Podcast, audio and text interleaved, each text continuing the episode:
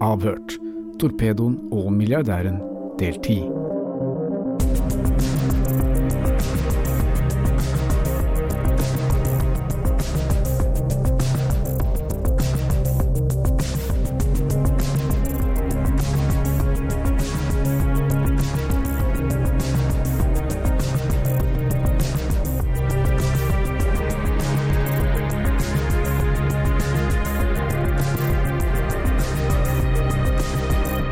I forrige episode så brukte vi jo mye tid på Erik Øie, og det at han angivelig skal ha fått et hus i Florida for ikke å vitne i rettssakene. Vi har gravd mye i det, og vi har i hvert fall klart nå å finne huset.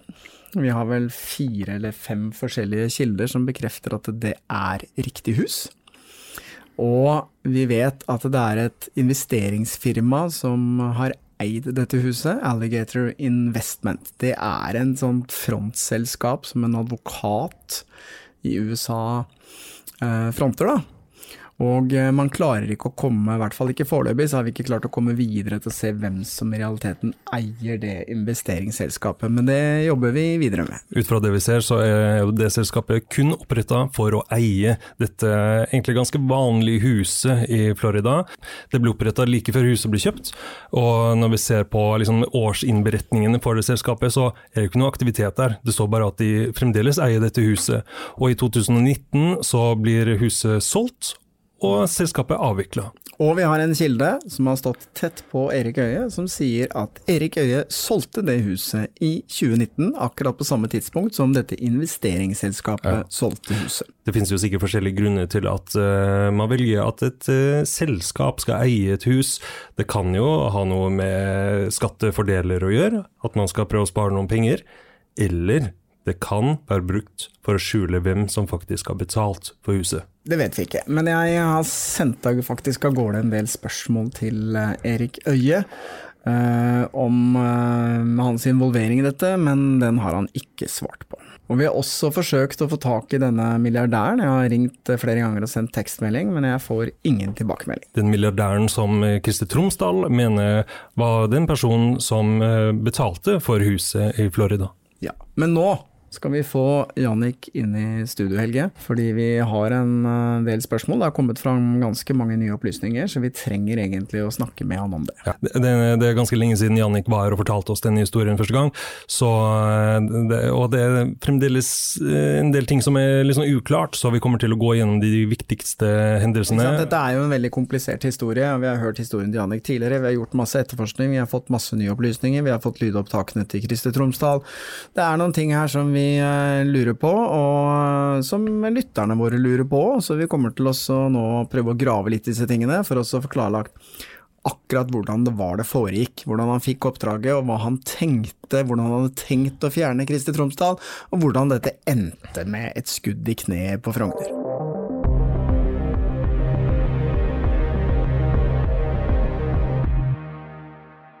Velkommen tilbake til oss da, Jannik. Det begynner å bli en liten stund siden du slapp ut av eh, fengsel. Hvordan har tiden vært eh, etter det?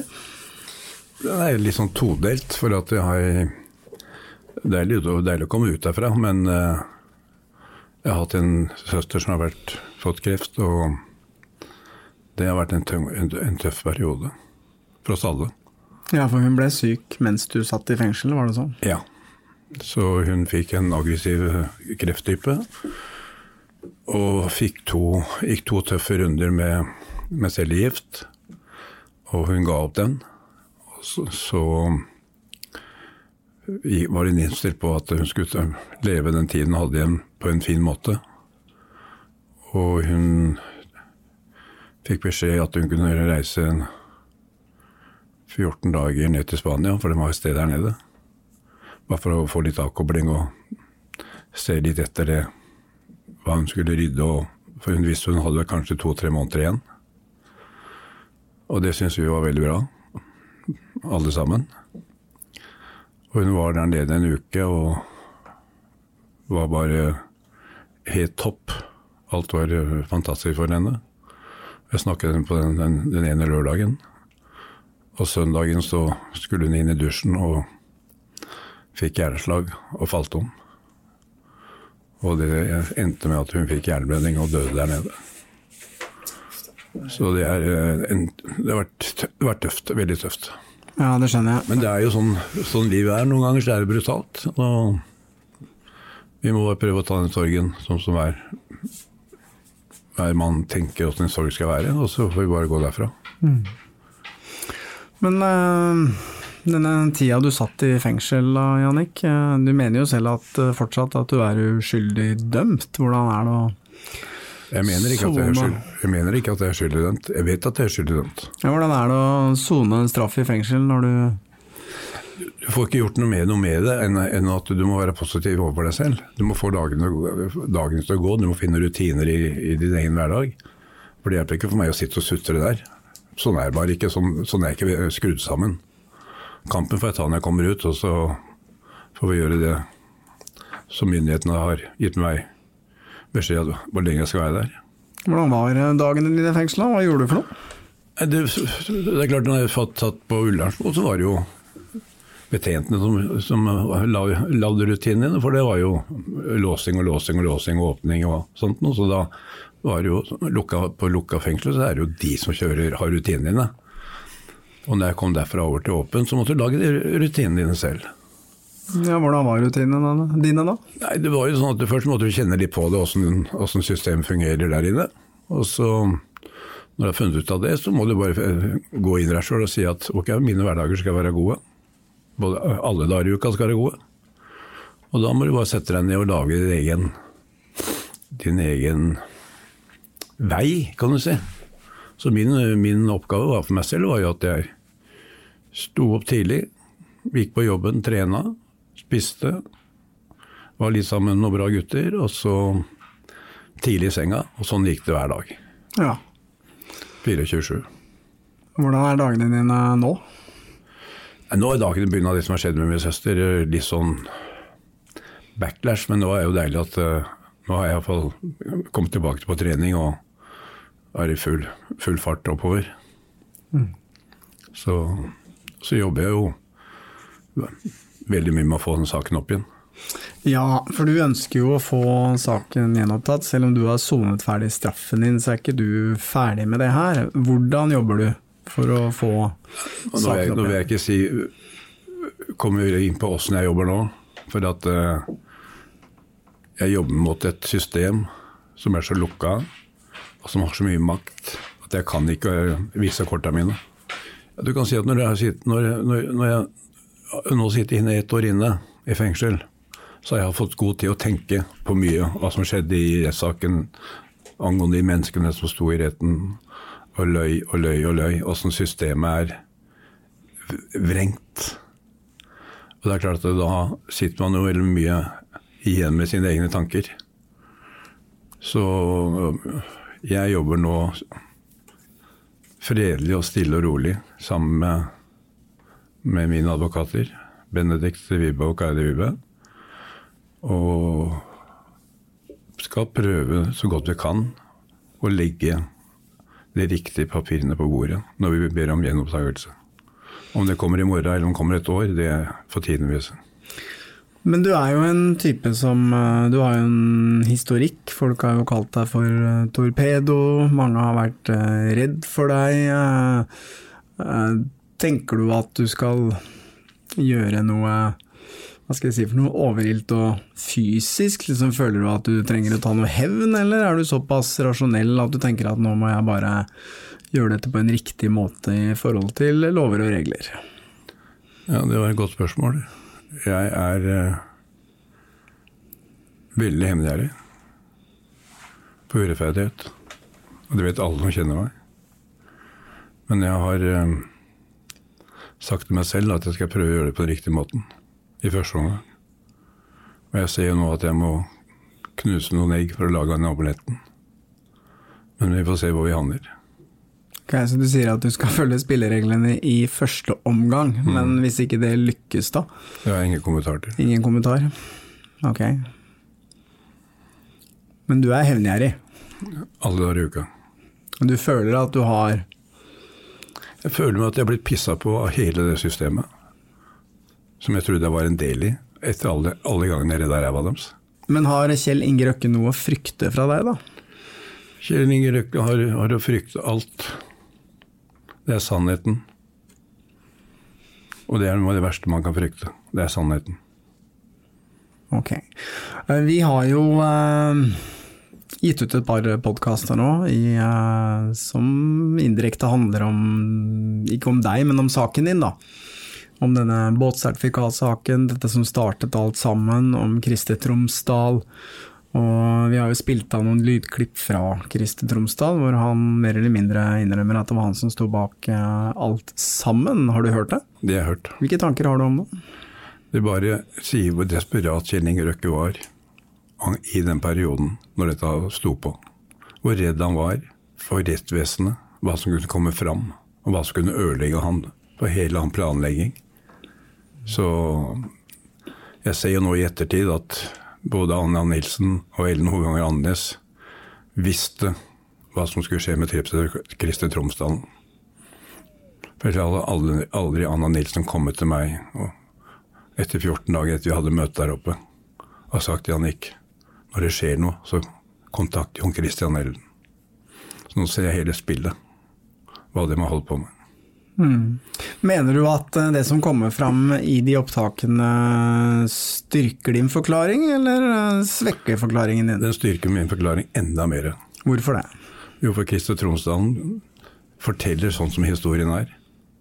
Og det er hvorfor han forteller den historien sånn som han er, som jeg har, tolket det, det er for han skal bruke det mot røkkesystemet. For at han sannsynligvis ikke har fått betalt for å komme i retten og ly- og lyve. Men hvis vi spoler litt tilbake til eh, det oppdraget du fikk fra Kjell Inge Røkke. Ok, vi skal ned på Aker Brygge. Det er sent 1990-tallet, og eh, Tromsdal og Erik Øie sitter og stempler ut båtsertifikat, bare så det står etter. Eh, vi har hørt, og det er et kjent faktum, han er dømt for det. Kjell Inge Røkke kjøpte òg et sertifikat av disse gutta her. Vi har hørt eh, i de forrige episodene at flere uavhengige vitner mener at Christer Tromsdal, som både sto bak denne setupen med sertifikatene, og sto bak en utpressing av Kjell Inge Røkke. Og så møter du Kjell Inge Røkke tilfeldig nede på Aker Brygge. På den broa på Aker Brygge. Aker Brygge. Ja. Du, eh, han var ute og løp. Ja, ja, om, han, om, han han skulle ut og løpe, eller eller hadde løpt, vet jeg ikke, men vi, vi traff hverandre i hvert fall der. Ja, og dere kjente hverandre fra før av Ja. fordi uh, du kjente Eksen hans. Ja. Mm, Kan du fortelle om det møtet? Nei, det var bare sånt uh, hei og hå med en gang, og så stoppa vi begge to, for det er jo uh, sånn som det blir. Uten at jeg har vel ikke noe, noe, noe å altså, ha en diskusjon med han på det ene eller andre, for han lever en helt annen verden enn jeg gjør. Så vi, vi, jeg stoppa, eller vi stoppa begge to, og så var jeg bare spurte som vanlig, sånn høflig, at uh, hvordan det gikk med han. Og da sa han at det var litt ålreit, men han hadde noe problem med en som heter Christer Tromsdalen, og vi lurte om jeg kjente han. Hva svarte du da? Jeg sa jeg, jeg, jeg, jeg vet hvem det er, svarte jeg. Ja, For du kjente ikke Kristin Nei. Romsdal på det tidspunktet, da du bare visste hvem han Mm. var. Ja, Hva dreide samtalen seg om etter det, da? Nei, da var det jo, og da ble jeg litt, så jeg ble litt sånn oi, og lurte om jeg kunne ta en prat med han. For han satt med et bånd. Kristin Tromsdal hadde et bånd Ja. som var dårlig for Røkke. Ja, garantert 100 dårlig for, Rø- for Røyke. Så sa jeg at jeg skal, jeg, kan, jeg skal ta noen telefoner, og så ringer jeg deg tilbake. Og da fikk jeg telefonnummeret til Kjell Inge Røkke på hans telefon. Tok kontakt med Christer enten på kvelden eller dagen etterpå. Jeg tror jeg var på kvelden. Og møtte han. Forklarte han situasjonen. Og jeg fikk et, jeg fikk et bånd som jeg, jeg fikk, skulle ha Nå skulle jeg levert tilbake på kvelden. Neste Så da ga altså Christer Tromsdal det båndet til deg. Ja. Hvorfor gjorde han det, da?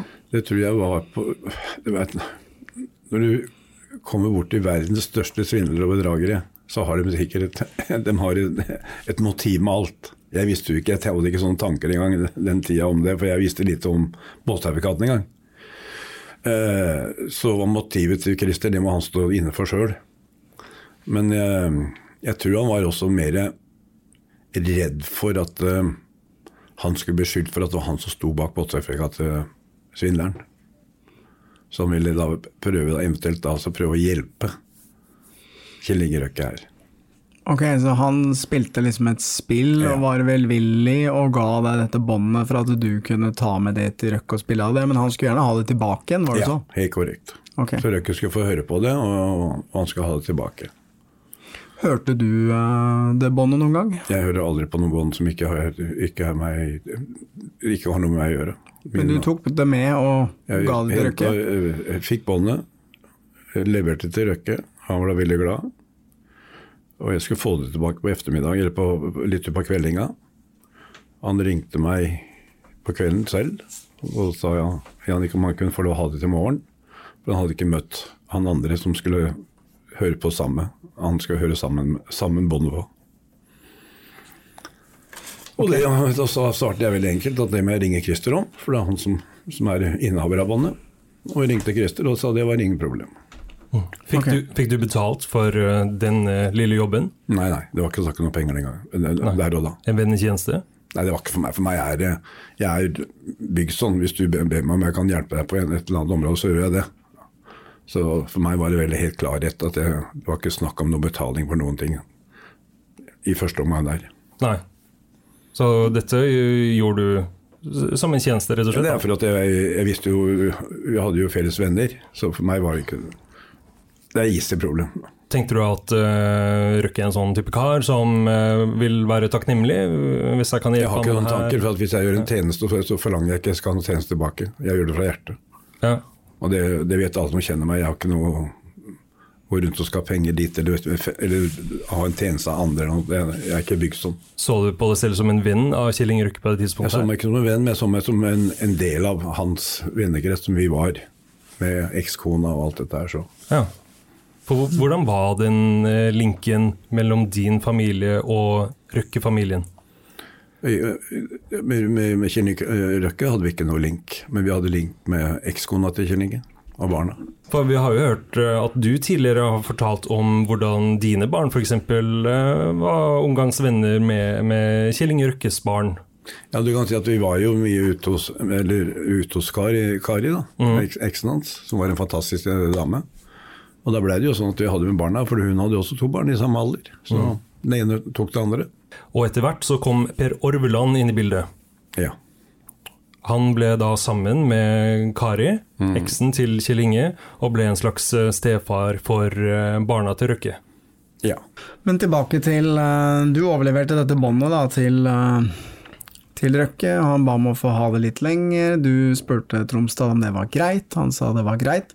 Og så hentet du båndet igjen og leverte til Tromsdalen. Var det så? Kjell Inge ringte meg enten midt på dagen eller utpå ettermiddagen og sa at jeg, jeg skulle få hjem båndet, eh, reise ut til Kari. Og så skulle, få, skulle jeg få båndet der. Og det gjorde du? Og det gjorde jeg. Ok. Hva, hvordan er den eh, situasjonen da? Nei, han er ordentlig forbanna Forbanna på Christer Tromsdal. på det innholdet i, i det båndet. Ok. Ja. Og husk, kan du huske, på hva han, også Christer Romsdal. Det kan du huske hva han sa for noe? Nei, det, det at jeg, jeg hadde ikke hørt noe innhold i det, i det båndet. Så jeg kan ikke begynne å fortolke det ene eller fortolke det andre. Jeg Nei, men du oppfattet det sånn at han var sint og opprørt over innholdet på det båndet? ja. Var, var det noen andre til stede under den samtalen? Det var bare meg og, og Kjell Inge og eksen, Kari. Kari var til stede og hørte dette? Ja. Ok. Og, og, og hva mer sa Røkke da? Nei, han sa jo at dette her Det var da han kom, kom fortalte meg med en gang Jannik, jeg betalte 100 mil for å fjerne den, den dritten. Eller den, ja, det det var noe dritt, det var et stygt ord han brukte. Han brukte 'motherfucker', hva faen det er for noe. Men han var ordentlig forbanna. Og det, dette sto han og for, sa foran sin ekskone Kari. Ja, men hun har sett han sinna før, så hun har jo ikke noe problem med det.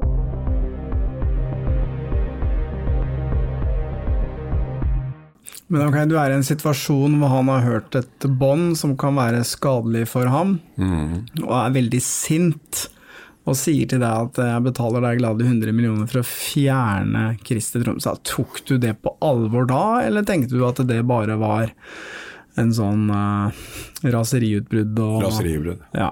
Ikke det var noe sånn Nei, nei, nei, seriøst nei. i det? Hvordan reagerte Kari da, når hun hørte det her? Nei, hun sa veldig Hun, hun, var, hun er jo bare roligheten selv. Så, så det, det roa seg ned, og så dro jo han. Ja. Men eh, hva, hva prata du og Kari med etter uh, Røkke hadde dratt, da?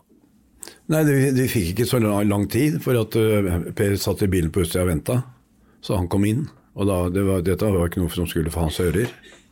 Dette var jo bare noe som var mellom meg og Røkke, og nå var jo Kari der til, til stede. da. Så det må jo virke som at de hadde jo stolt på hverandre, uavhengig om de var For de var uvenner den tida. Ikke sant? Men uh, stolte på hverandre, hadde levd et langt liv sammen og hadde Ja. to barn. Ja da. Ja. Derfor tenkte han at det ikke, ikke var unaturlig å stå og prate om, om et leiemord foran Nei, nå- eh, sin ekskone. Nei, men jeg tror det, det ikke, det ble ikke noe mord. Fjerning, da. Ja, Ja. Så, og det er klart at når, når, når Røkke skriker høyt, så skriker han høyt. Ja. Ja. Så det er bare sånn han er. er. Men hva sa Kari til det? Da Nei, dere Hun var sa det vel med en gang han forlot det. Så når vi satte oss ved bordet og jeg sa hva mener du om dette her, Kari? Så sa hun Jannik, jeg kjenner han. Han kommer til å bruke deg, han kommer til å lure deg. Han kommer til å lure det, rett og slett? Ja. Okay. Det er veldig viktig. Bruke og lure. Ja. Men Jannik, jeg lurer på en ting. fordi at eh, Da Kjell Inge Røkke sa at du skulle få 100 millioner kroner for å fjerne Tromsdal, så er det veldig mye penger. Du trenger jo ikke betale så mye for å få noen til å fjerne noen, har jeg hørt. Vi har hørt 50 000. Så, eh, så hvorfor tror du at han slang ut av seg et så stort beløp som det? Det er hans må måte å gjøre ting på. At han herser opp for å få at den jobben tar du. Pluss, jeg vet 100% at han hadde visst, hadde sjekka hvem jeg var. At jeg, at jeg dør med min egen uh, sannhet. Ja. Og så endte det jo ikke med at du fikk 100 millioner, men du fikk 13. Nei, det endte ikke med at han daua heller. Så, men vi, kom- vi kom til en, en, eh, til en, til en eh, Vi kom til en enighet på, på Continental, på en av suitene der. Og det når vi tok, sjekka hverandre i hånda der, så var det en deal. To millioner dollar, riktig. Og det var Shake a Dream, da var jeg ferdig. Ja. Men jeg har hengt meg litt opp i dette her med fjerne. Hvis jeg sier til deg, eh, Jannik, kan du fjerne Helge? Hvordan oppfatter du det? Jeg vil stille spørsmål og, hvordan oppfatter du det? Ja, Fjerne er vel kanskje ikke nødvendigvis drepe? Kan ikke det også være bare få han vekk fra meg, så jeg slipper å ha noe med han å gjøre? Kan det være at du skal fjerne, fjerne med, da, nå for øyeblikket? Eller permanent? Men for det er jo men vanskelig å tolke. Ja, det er et poeng her som er veldig viktig. Du er ikke til stede. Hadde du vært til stede, så kunne jeg forstått at jeg skulle fjerne deg vekk ut fra leiligheten. Godt poeng. Ut til restauranten. Men du er ikke til stede. Nei. Men eh, vi må bare bruke litt mer tid på det, fordi Røkke sier eh, i harnisk 'fjerne Kristi Tromsdal'. Eh, jeg betaler deg gladelig 100 millioner Det er ganske mye penger. Det er jo gæren, det er jo sånn. Eh, For 20 år siden òg. for 20 år siden. Men hvordan Vi kan liksom diskutere hva Vi vet jo ikke hva Røkke mente med det, men det som kanskje er viktig her, er hvordan, hvordan du oppfattet det. Oppfattet... Hva tenkte du? Tenkte du at eh, ok, nå skal Tromsdal fjernes fra jordens overflate? Jeg tenkte ikke mye over det der og da, for at jeg så han var forbanna. Man, vi, er jo, vi mennesker er lagd sånn at når man er ordentlig forbanna, så sier man mye dumt ut av kjeften som kanskje ikke hadde noe mening med det. Men det er klart når han tar kontakt med meg etterpå, så er det jo mening i det.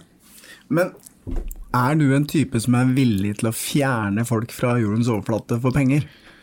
Nei, det kan du si at det er jeg ikke. Men, øh, men om Christer Tronsen har blitt borte, så er det ingen som har savna han likevel. Nei. Og i den graden som var sånn som situasjonen jeg, jeg, jeg Så syns jeg litt synd på Kjell Inge Røkke der. For jeg følte han hadde blitt brukt og spytta på og tygd samtidig bare for at han skulle få ta, ta et båtsertifikat.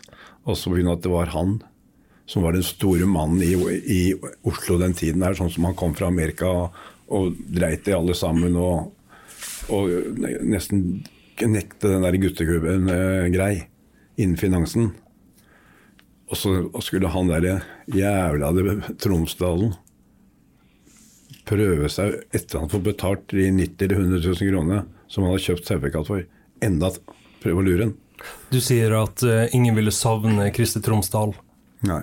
Hvordan kan du komme med et sånt utsagn? Jo, vi, vi, vi, vi, fikk jo greie på at han var en bedrager. Han lurte folk 24-7.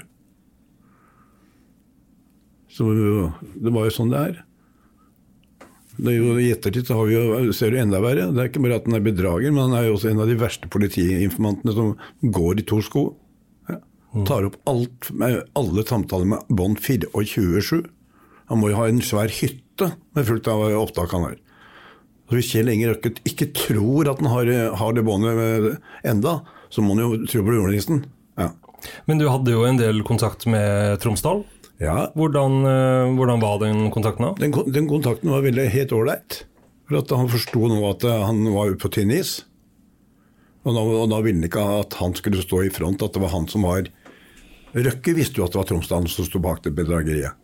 For det var Tromsdalen som har levert båndet. Ja. Ja. Hva sa Tromsdal selv? eh, Tromsdal nekta jo for det. Selv ovenfor det? Til meg gjorde han det. Ja. Men det, derfor ville han prøve å være behjelpelig med Kjell Inge. Men det, han handla jo en plan videre. Ja. Og det har, vi- har vi sett nå i ettertid. Snakka du og, og Tromsdal om hva som var på opptakene? Nei. Nei. Jeg jeg, helt usagt for meg å vite hva som er på opptaker. Og du kan si at eh, hvis jeg hadde hatt noen hensikt til å være å, å, å ta rotta på Kjell Inge Røkke og dem alle sammen, så hadde jeg sittet med båndopptaker sjøl. Ja. Ja, ikke sant? For du har jo hatt uh, ganske interessante samtaler med Røkke opp igjen. Ikke bare med Røkke, også med advokatene. Ja. Og Anna Nilsen. Ja. Ja. Og Og han der politimannen. Og ikke tatt opp noe. ikke tatt opp en dritt. Hvorfor har du ikke gjort det? Nei, for jeg, jeg må se meg selv i speilet. Forstår du? Det er ikke sånn jeg er, er skrudd sammen. Når jeg får et oppdrag, så gjør jeg oppdraget. Da skal ikke jeg ha noen noe baktanke med for at jeg har hjulpet en mann i en situasjon. Og så skal du presse den etterpå. Ja, skal jeg presse den etterpå. Men jeg lurer jo på litt fra, fra at Christer Tromsdal og Erik Øie de solgte jo veldig mange båtsertifikat. Det var jo ikke bare til Kjell Inge Røkke. Vi har jo eh, intervjuet en annen som eh, kjøpte båtsertifikat, og han ble jo aldri utsatt for noe utpressing, så hvorfor tror du det var sånn at eh, Christer Tromsdal konsentrerte seg kun om Røkke? Du hørte ingenting om at han prøvde å presse noen andre?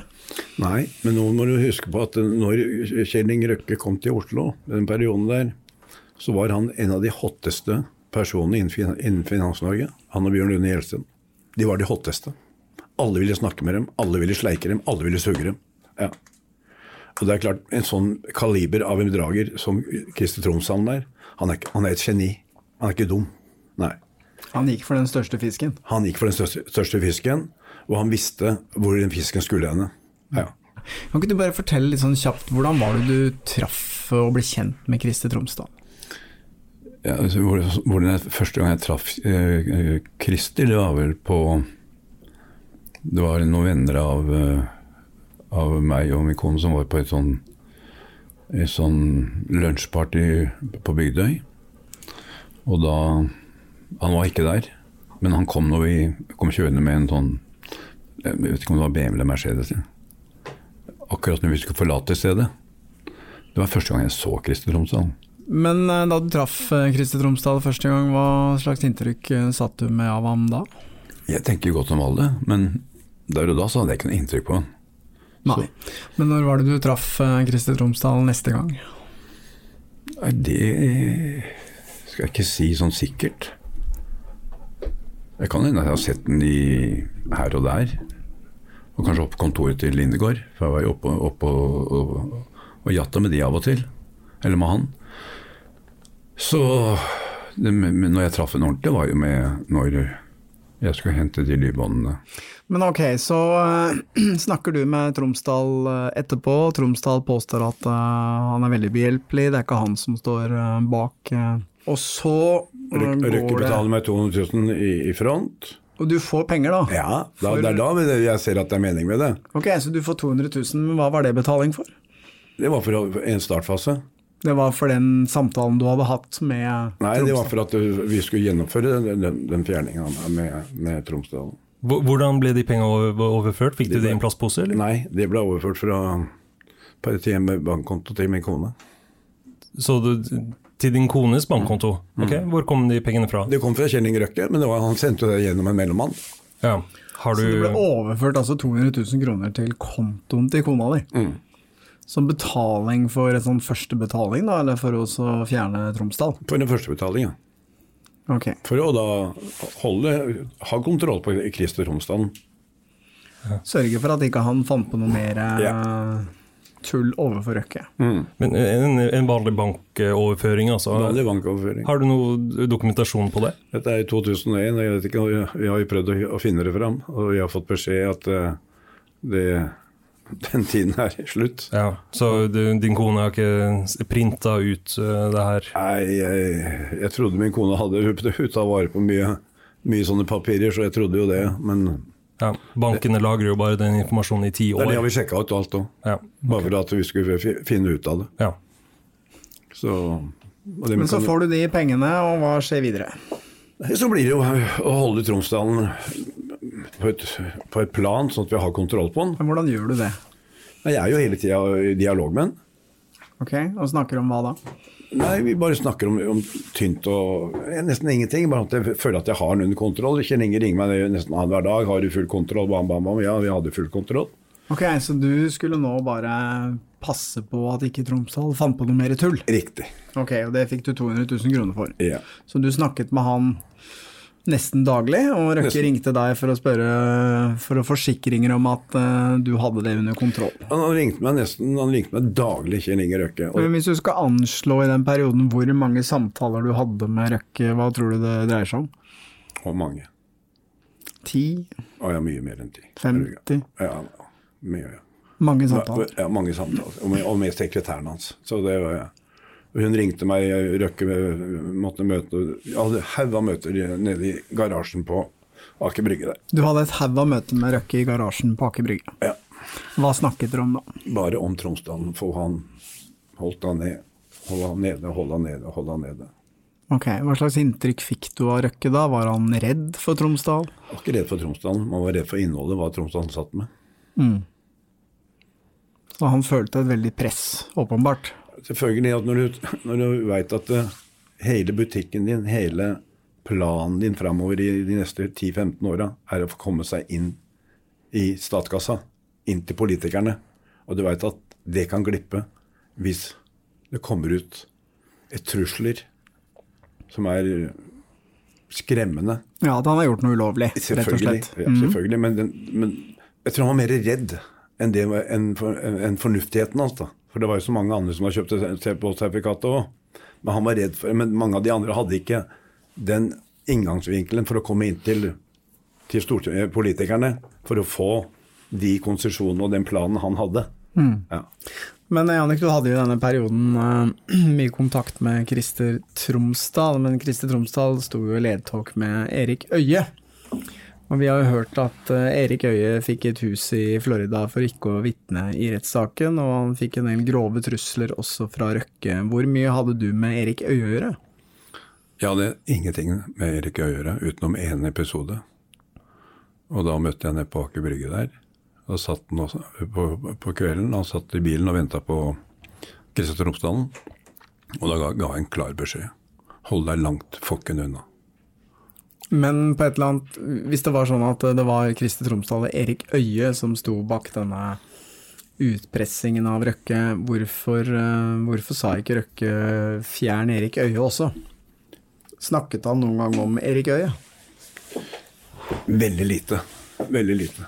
Det var, det var, eh, det var Christer Tromsdal som var i fokus, Ok, ikke Erik Øye. ikke Erik Øye. Men hørte du noen gang om at eh, Erik Øye hadde fått et hus i Florida for å holde kjeft?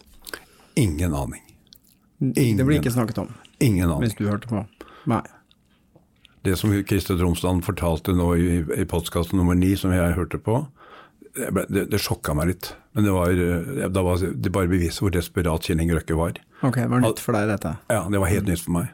Og hadde jeg visst at det var så mye blekkspruter ute i vannet der, så hadde jeg aldri påtatt meg den, det oppdraget heller. Men hørte du noen gang om en kjent uh, forretningsmann og milliardær som uh, hjalp Røkke med å uh, bestikke Erik Øye? Nei, Hørte du noen gang om et firma som heter Alligator Investment? aldri. Ingenting Nei. ble snakket om i forhold til det. Men da du eh, var ute, så sa jo Kari Monsen Røkke, altså eksen til Røkke, hun sa jo til deg at eh, Kjell Inge Røkke kommer til å lure deg. Gjorde ikke det deg litt sånn skeptisk i forhold til å ta på deg det oppdraget? Nei, jeg fikk jo, jeg avslutta det første, første, oppdraget, som jeg angående den, det, det kontoret med trusa der. Når vi satt oppe på kontoret og Tore Sønne døde, så jeg, fikk jeg jo avklart det. Da han ringte meg da fire måneder seinere, eh, i 2003, eh, så lagde jeg en avtale med at han skulle betale meg halvannen million i Saint-Tropez. Han gjorde jo det. Ja, Så du tvilte ikke på at han kom til å holde jeg, jeg, tvilte, jeg, jeg tvilte på det når klokka var Han skulle betale meg i Saint-Tropez klokken tolv. Fra klokka tolv til klokka seks, så tvilte jeg på det. Da forsto jeg at dette blir ikke noe av. Men, da du fikk de pengene, så tenkte du da, dette er alvor? Da var dette alvor. Mm. Da, da hadde den holdt ord. Ok, og Hva slags plan var det du la da?